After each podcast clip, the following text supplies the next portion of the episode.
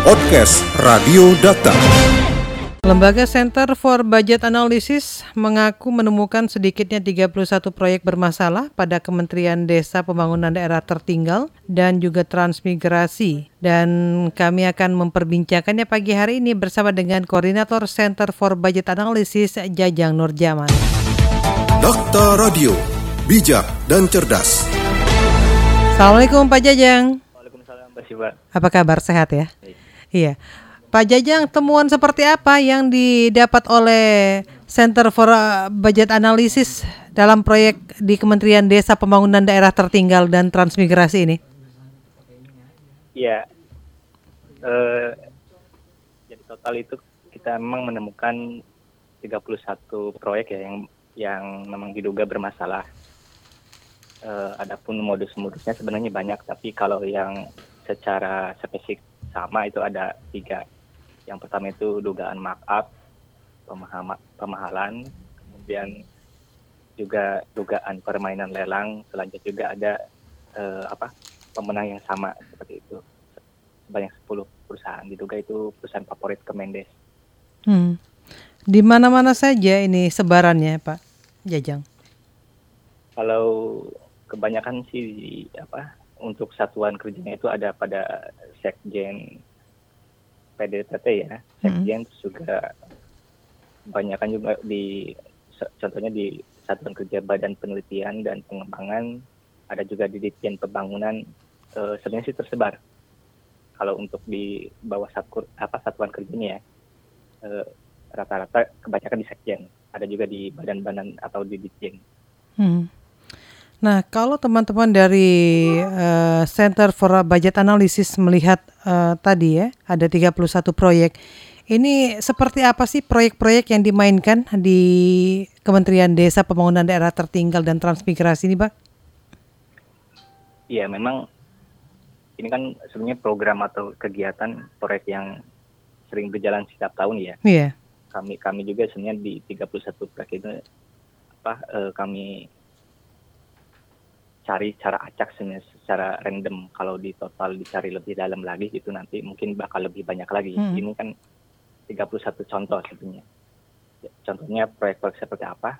Ada di yang dimasuk ke pengadaan barang seperti pengadaan yang kecil seperti sewa apa mesin sewa mesin fotokopi, kemudian juga ada jasa layanan ikan masyarakat, ada juga misalnya bantuan data hidup dan sebagainya. Bahkan ada proyek-proyek seperti infrastruktur dan sebagainya yang tersebar di daerah yang dijalankan oleh Kemendes.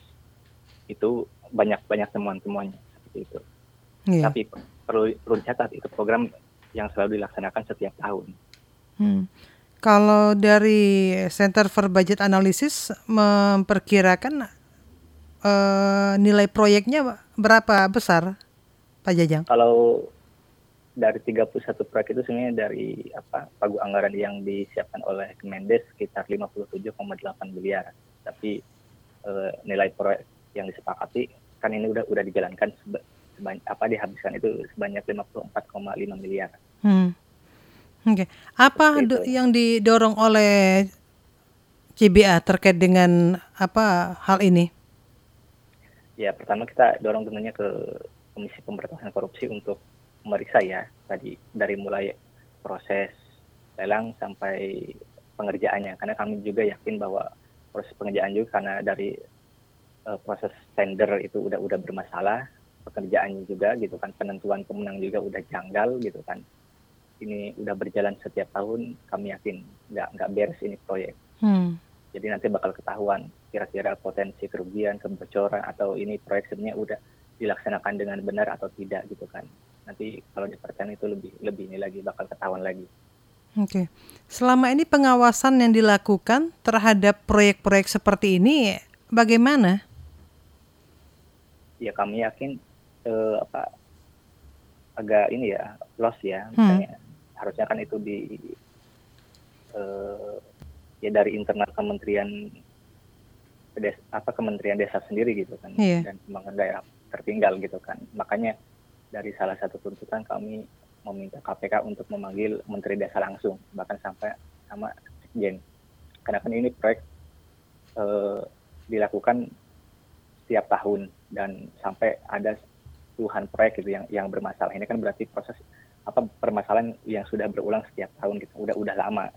Dan kami menduga bahwa memang ada semacam ada kesengajaan di atasnya bahkan dari Kementerian Pedesaan gitu kan. Hmm. ada proses pembiaran seperti itu jadi tidak ada proses pengawasan gitu kan evaluasi dan sebagainya makanya ini perlu perlu upaya campur tangan dari eksternal dari KPK yeah. untuk melihat nih di internal Kemendes banyak masalahnya. Nah, selama ini kalau teman-teman dari CBA melihat uh, upaya yang dilakukan oleh KPK terkait dengan laporan-laporan atau juga uh, proyek-proyek seperti ini bagaimana? Kami masih menunggu ya. Hmm. Memang apa kami patut menyayangkan juga KPK belum sampai sekarang nih. Sebenarnya kan dari CBA sendiri banyak tuh laporan-laporan terkait proyek-proyek seperti ini seperti jasa cleaning service dan sebagainya udah udah kami sering sampaikan gitu kan tapi dari laporan-laporan kami sendiri belum ada ketindaklanjutan yang terakhirnya juga yang terakhir juga misalnya yang rame gitu sebenarnya itu udah udah temuan disampaikan sama BPK gitu kan hmm. bahwa udah udah udah jadi temuan lama di 2019 ke belakang seperti itu tapi nggak ada tindak lanjut patut disayangkan juga sih nggak nggak bertindak cepat cepat seperti itu. Makanya mungkin publik harus mendorong. Nah, kalau uh, Pak Jajang melihat ini kan sudah berlangsung apa ya se sebuah pembiaran seperti itu ya, seolah-olah memang dibiarkan seperti itu. Mengapa celah-celah ini begitu mudahnya dimainkan atau juga terbuka dari sebuah kementerian? Katakanlah saat ini di Kementerian Desa Pembangunan Daerah Tertinggal dan Transmigrasi ini. Di sisi lain, masyarakat yang berada di daerah-daerah transmigrasi tidak merasakan pembangunan-pembangunan yang uh, menjadi program bagi kementerian sendiri kepada mereka. Iya, memang dari sisi tadi pertama uh, perlu di tadi di karena penegak hukum perlu masuk. Kemudian hmm. juga dari segi struktur apa, apa di kementerian juga perlu dievaluasi gitu kan. Ini juga perlu jadi perhatian Presiden Joko Widodo gitu kan. Karena kalau dilihat dari segi kinerja Kementerian eh, Pedesaan juga dari segi realisasi APBN itu sangat minim sekali gitu kan. Dan ditambah lagi diperburuk lagi dengan tadi temuan-temuan. Kami yakin ini eh, apa ada ada pihak-pihak tertentu yang memang bermain di tubuh Kementerian Pedesaan yang dibiarkan gitu kan. Dan nggak nggak nggak nggak pernah tersentuh. Dan itu harus memang harus perlu segera dievaluasi seperti itu. Kalau tidak ada tindak lanjut ya bakal terus terulang seperti temuan-temuan seperti ini.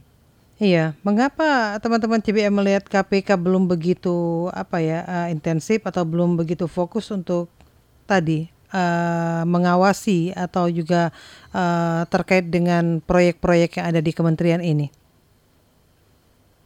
Ya itu memang ada kecenderungan ketika berurusan dengan apa pihak-pihak yang dengan nama besar ya elit hmm. besar ya uh, karena ini Kemendes mau gak mau kan banyak sekali kaitannya misalnya menterinya sendiri gitu kan kedekatannya kekuatannya kita nggak bisa pungkiri seperti itu dan patut sayangkan KPK sekarang nggak nggak seperti dulu lagi gitu kan hmm. banyak banyak sekali perubahan dari yeah. cara penanganan kasus ya lebih mungkin lebih suka kasus-kasus yang kecil gitu kan target-target yang kecil gitu kan termasuk juga agak segan untuk menyentuh atau sampai menyinggung elit-elit besar seperti itu hmm. yang punya kekuatan di belakangnya. Oke. Okay. Nah, ke, kalau selama ini dari Lembaga Center for Budget Analysis melihat program-program yang dilakukan oleh Kemendes PDTT berkorelasi tidak sih dengan pembangunan-pembangunan atau kemajuan di uh, pedesaan atau juga di wilayah transmigrasi, Pak Jajang?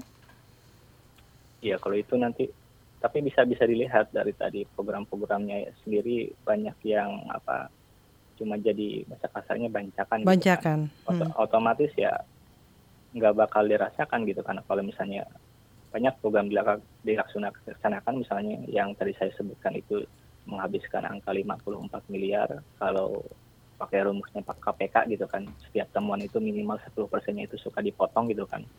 Tanda kutip dimainkan gitu kan. Bisa dibayangkan mungkin berapa puluh miliar yang sudah dipotong dan sisanya ke masyarakat itu cuma berapa cuma ampasnya doang gitu kan.